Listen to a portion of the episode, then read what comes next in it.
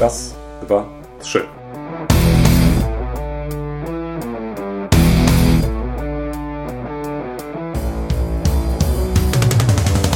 Dwóch historyków, jeden mikrofon. Jeden mikrofon? Dwóch historyków? No nie, ale to znowuż mi wszedłeś w paradę. No tak zazwyczaj się dzieje. Profesor Krzysztof Równiewicz. Profesor Przemysław Wiszewski. Nagrywać to, co nas ciekawi, to, co nas kręci, ale zawsze w kontekście historii.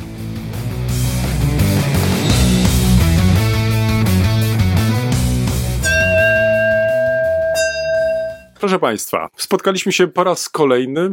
Praktycznie powinienem rozpocząć od gratulacji. O, nie, proszę cię. Skupmy się na tym, o czym mamy dzisiaj rozmawiać. Gratulacji, ponieważ wybraliśmy sobie szczególny moment y, i temat jest też szczególnie wybrany. Wszyscy zauważyli, że to był jakiś dziwny hałas. To był bardzo piękny dźwięk. To było coś, co wydobywa się z duszy szkła. No właśnie, a propos, jeżeli już jesteśmy przy tym szkle, czy coś w tym szkle było? No, może nie zdradzajmy od razu, ale pomyślmy o tym, co często pojawia się w historii, ale gdzieś tak przemycane w podręcznikach tego nie znajdziemy. Są takie miejsca, które trochę w toponimii e, współczesnej zanikły, a które tak nie nazywały się jeszcze w XVIII wieku na Śląsku Weinberg. Weinberg. Weinberg. Miejsca bardzo często spotykane, aczkolwiek ich nazwa już nie odzwierciedlała w XVIII wieku tego, co kiedyś tam się pojawiało. Czyli krótko mówiąc, mówimy dzisiaj o. Skoro Weinberg, to znaczy to musi być coś o, o winie. W... No, zdecydowanie. Dzisiaj próbujemy porozmawiać o tym, proszę Państwa, czy w historii można znaleźć coś ciekawego, co powiązane jest z życiem współczesnym, ale co dzisiaj jest takie trochę na pograniczu, czego czasami się wstydzimy, z drugiej strony czym cały czas się szczycimy, bo wino to jest taki napój, powiedziałbym, szczególny. Z jednej strony nie wiem, czy Państwo pamiętają, ja ze swojego dzieciństwa pamiętam e, żarty, opowieści o winie, które nazywano lapatik. Lapatik. Czy ktoś pamięta jeszcze wino lapatik? Ja niestety nie pamiętam. Ja pamiętam inne określenia, jak na przykład jabłcol. O, kwiat jabłoni przecież. No, Tak, tak. No, klasyczne. A łzy sołtysa. Na przykład. No właśnie. Czyli my pamiętamy to wino jako coś takiego, przepraszam, że użyję tego słowa, jako gorszej kategorii alkohol, który bywał nadużywany, którego nadużywano. No i picie wina traktowano jako raczej przejaw takiego zachowania niekoniecznie akceptowanego społecznie. Ale wiesz, co mnie zaskoczyło? E, Kiedy mm, przeglądałem różne materiały na temat e, historii wina, e, uprawy wina w Polsce, bo pewnie jeszcze o tym będziemy mówić, zaskoczyło mnie to, że dzisiaj na przykład w Polsce ponad 1200 hektarów uprawianych jest winorośli. Mhm. Y, Nawet nie myślałem, że Polska staje się pomału krajem, gdzie faktycznie winorość się uprawia. I jak się okazuje, wino cieszy się coraz większym powodzeniem. To znaczy, nie jest to tylko wino produkowane na lokalny rynek, czyli w jakimś tam mieście takim czy innym, ale to wino po prostu cieszy się także i za granicą, y, w coraz większym No zainteresowaniem. ale popatrz, bo to mnie zaciekawia. No, dlaczego w Polsce ktoś chce uprawiać winorośl, robić z niej wino, a ktoś gdzieś tam we Włoszech, we Francji, w Niemczech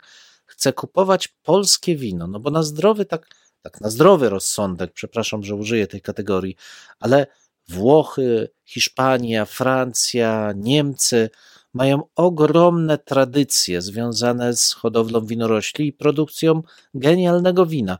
Po co zatem ktoś chciałby kupować polskie wino? Dlaczego chcemy w ogóle produkować taki trunek tutaj? To jest y, świetnie postawione pytanie, ale z drugiej strony moglibyśmy powiedzieć tak. e, Być może to jest ciekawość, jak smakuje to wino, y, Mhm. którego nie znamy, ale czy. Ale dotknąłeś moim zdaniem tutaj, wiesz, sedna. Chcemy próbować czegoś, czego nie znamy, bo wino jest tym specyficznym, specyficzną używką. Tu nie chodzi o sam smak, tu chodzi o społeczny klimat związany z winem. I ja zacząłem od tego lapatik, ponieważ to w, tym, w tej samej nazwie stykały się dwie sprzeczności. Z jednej strony picie wina jako w tych latach 80., jako wyraz no, takiego no, najtańszy alkohol, którego się nadużywa, ale z drugiej strony towarzyszyła temu nadal otoczka pewnego snobizmu. La Patique, coś francuskiego, eleganckiego, coś takiego en on. Wino mimo wszystko, nawet w tamtych czasach, było traktowane jako przejaw pewnego luksusu i wyrafinowania. I ta produkcja wina, w moim odczuciu, wcale nie jest związana z jakimiś specyficznymi walorami smakowymi, choć być może tak jest, ja temu nie przeczę. Ale sam fakt, że jakiś kraj produkuje wino, że w jakimś kraju wino się produkuje, jest traktowany jako wyznacznik wejścia w pewien krąg cywilizacyjno-kulturowy. To nie jest tylko produkcja specyficznej odmiany rośliny, z której coś się uzyskuje, coś użytkowego. Nie, to jest wejście w pewien klimat kulturowy. Dlaczego? To jest też e, ciekawe pytanie. Sięgnąłem do kuchni polskiej z lat 50. Mhm. mhm. Byłem ciekaw, e, czy znajdę tam jakiekolwiek informacje o winie. Mhm. Czy tak jak to być może jest takie obiegowe przekonanie, że Polacy już tylko wódkę pili. Mhm. Okazało się, że w tej y, książce y, kucharskiej, bardzo typowej właściwie wielokrotnie też wznawianej w następnych y, dziesięcioleciach, pojawiły się informacje, jak serwować wino, w mhm. jakich okolicznościach. Nie znalazłem informacji o tym, jak podawać wódkę. Oczywiście także i ta wódka się znalazła, ale w centrum tak naprawdę umieszczono wino, czyli faktycznie to potwierdza, co przed chwilą powiedziałeś, że winu nadawano jakiś szczególny charakter. No właśnie, i teraz ja bym cofnął się trochę wstecz, trochę, czyli no powiedzmy tak, może nie tysiąc, ale to 700-800 lat wstecz i zastanowił się nad genezą wina w ogóle na naszych terenach. No bo z całym szacunkiem, winorośl to w Polsce nie rosła naturalnie. Winorośl sprowadzono do Polski. I oczywiście geneza jest związana ściśle z chrześcijaństwem, z koniecznością wykorzystywania wina w liturgii, to wino, które pierwsze było tutaj produkowane, raczej nie miało specyficznych walorów smakowych.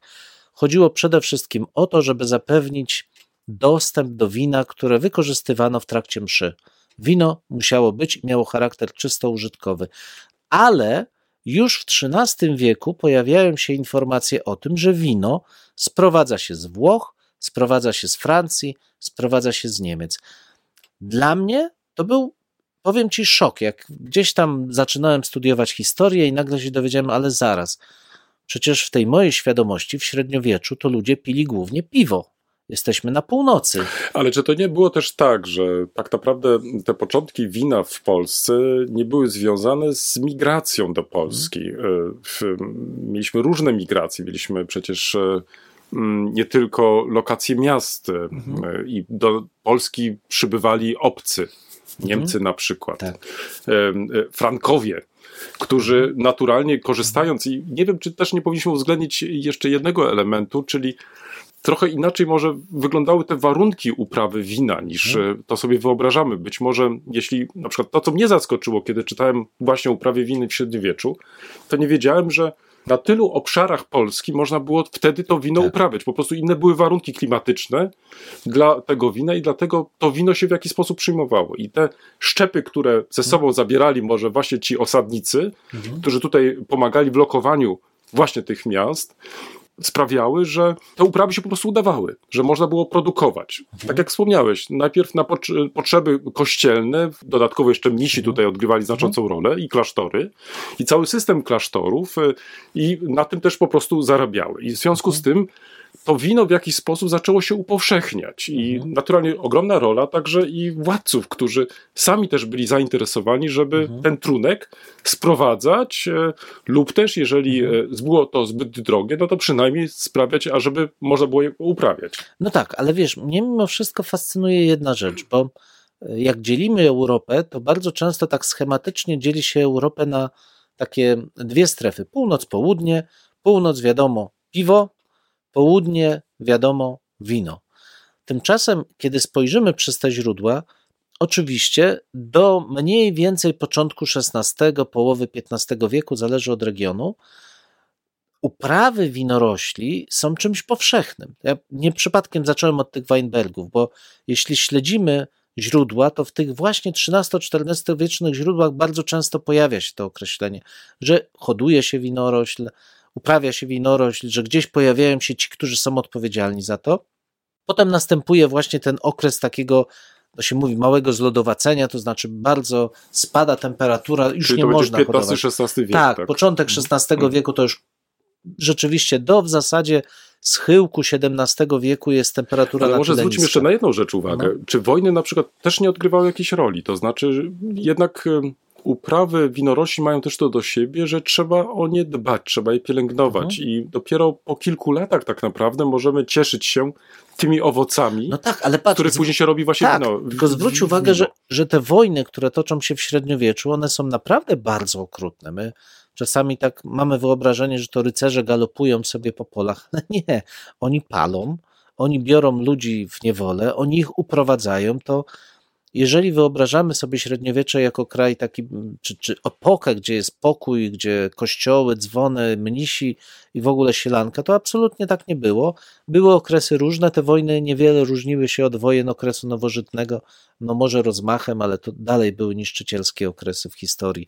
Natomiast mimo wszystko, ja z uporem wracam do tego, że pomimo tego, że to, co my sobie wyobrażamy jako tą kulturę piwa, ten specyficzne rozpowszechnienie się trunku dość powszechnego, to jednak w elitach cały czas było to pragnienie wyróżnienia się. I to kapitalnie widać na przykład w miastach, gdzie w bardzo szybko, po pierwsze, nakłada się monopol. Winem może handlować tylko miasto i ono ciągnie z tego zysk. Gmina miejska, nie prywatni y, szynkarze. Potem z biegiem czasu ten monopol się rozluźnia, ale mimo wszystko handel winem jest dalej traktowany jako bardzo specyficzny, ściśle kontrolowany, nawet co do jakości sprzedawanego wina, proceder.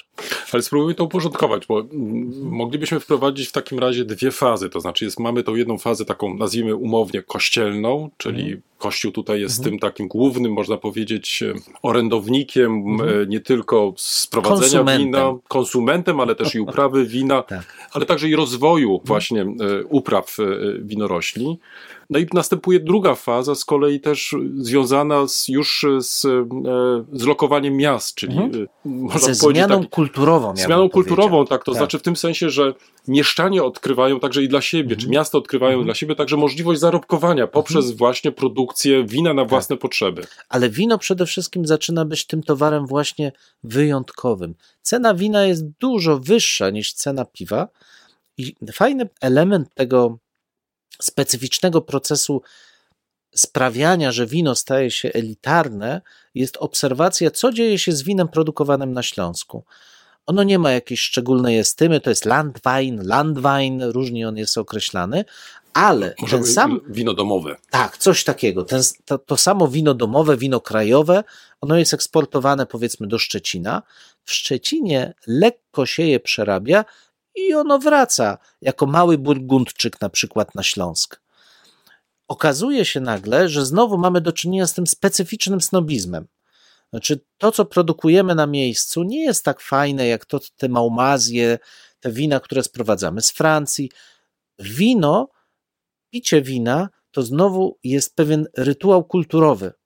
Wino nie jest towarem takim jak wszystkie inne. Ważne jest, jak się nazywa, ważne jest, skąd się je sprowadza, ważne jest, za ile się kupuje to wino i jak się je serwuje. To jest rytuał, to nie jest zwykły produkt. Tak jak wspomniałeś, w XV-XVI wieku mamy ogromny kryzys, to znaczy właściwie można wręcz powiedzieć w tej części przynajmniej Europy, Europy Środkowo-Wschodniej, odejście od tej kultury na rzecz piwa i wódek. Z kolei, jeżeli uwzględnimy Śląsk, to trzeba przyznać, że ten kryzys tak naprawdę pojawia się dopiero w XIX wieku. To jest związane z chorobami, które zaczynają właściwie coraz częściej dotykać wielkich winic i tak dalej, ale równocześnie w rejonie zielonogórskim mamy do czynienia z bardzo ciekawą sytuacją, gdzie na przykład to właśnie w Zielonej Górze w, wynaleziono wino musujące, czyli coś, co byśmy nazwali szampanem, Tak. to wino cieszy się wielkim powodzeniem, e, jest wystawiane na różnego rodzaju wystawach e, międzynarodowych i można powiedzieć, że ten region właściwie tradycyjny od stuleci, bo przecież o w, e, takiej historii możemy mówić, zielonogórski, przetrwał właściwie do dzisiaj. I to wszystko sprawia, że poza może krótkim okresem, po roku 56, 7, kiedy faktycznie w Polsce też znowu, nazwijmy to umownie, komunistycznie zarzucono w ogóle produkcję wina mhm. tego tradycyjnego, to właściwie ponownie odkrywamy to wino i nawiązujemy do tych dawnych, e, no właściwie historycznych wręcz czasów, chcąc w jakiś sposób odtworzyć tą mhm. właśnie produkcję sprzed lat. Ale właśnie tutaj znowu dotykamy takiego swoistego fenomenu kulturowego, bo ja pamiętam te swoje lata dzieciństwa, lat, to 70., początek lat 80. i moich dziadków, którzy no, robili wino domowe. Mieli swoje jakieś szczepy takie zupełnie dziwne w winorośli, ale Boże, kochane, to nie, nie chodziło o winorośl. Brało się jakiekolwiek owoce, wrzucało się do dzbana, w tym balonie ono gdzieś tam fermentowało, jakieś rurki bulgotały. Wino przeszło swoistą ewolucję wtedy, bo z tego elitarnego trunku, który dla zwykłych, w cudzysłowie, ludzi był zastępowany właśnie przez piwo czy przez wódkę, wino nagle stało się trunkiem powszechnym, bo łatwo produkowalnym. I ten okres PRL-u dla mnie jest bardzo specyficzny, bo on spowodował pauperyzację kultury wina. I z jednej strony możemy powiedzieć, no właśnie, no kolejny przykład takiej zmiany kulturowej, która jest tak naprawdę zmianą negatywną, bo doprowadza do tego, że to, co szlachetne, staje się powszechne, rozmywa się i tak dalej. Ale ja bym zwrócił uwagę na coś innego, że nagle dokonała się, przepraszam, że tak powiem, demokratyzacja pewnego kultowego gatunku napoju.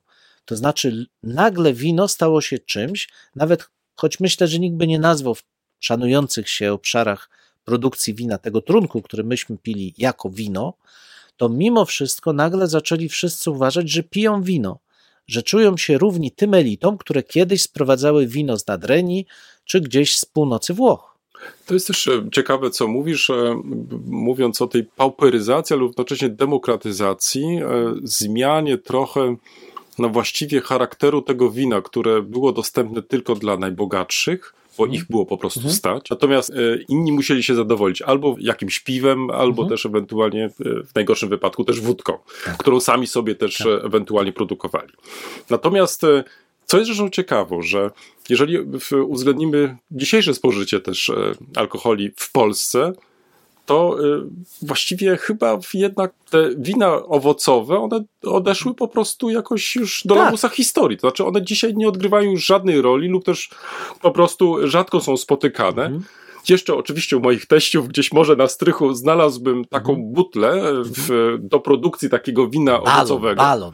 No, jak zwał, tak zwał, no ale w każdym razie to jeszcze do niedawna funkcjonowało, prawda? Tak. Taki, z takich czy innych owoców e, produkowane wino. No ale właśnie zauważ, znowu to jest ta zmiana. To znaczy, nasze społeczeństwo bardzo się wzbogaciło, to jest raz, ale po drugie zaszła zmiana kulturowa.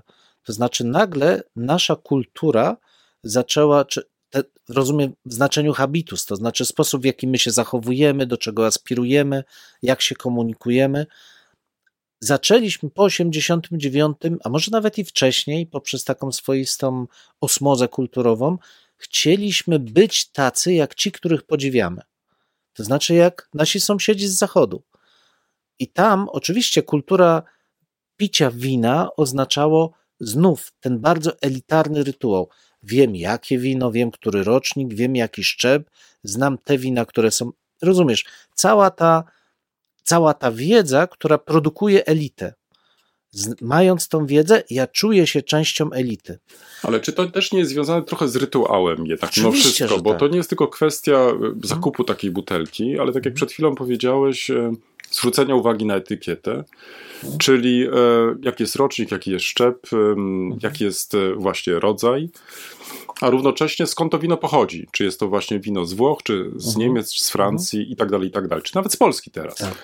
A jednocześnie e, też zwrócenie uwagi, że to wino nie pije się po to, żeby pić, tylko żeby się nim delektować.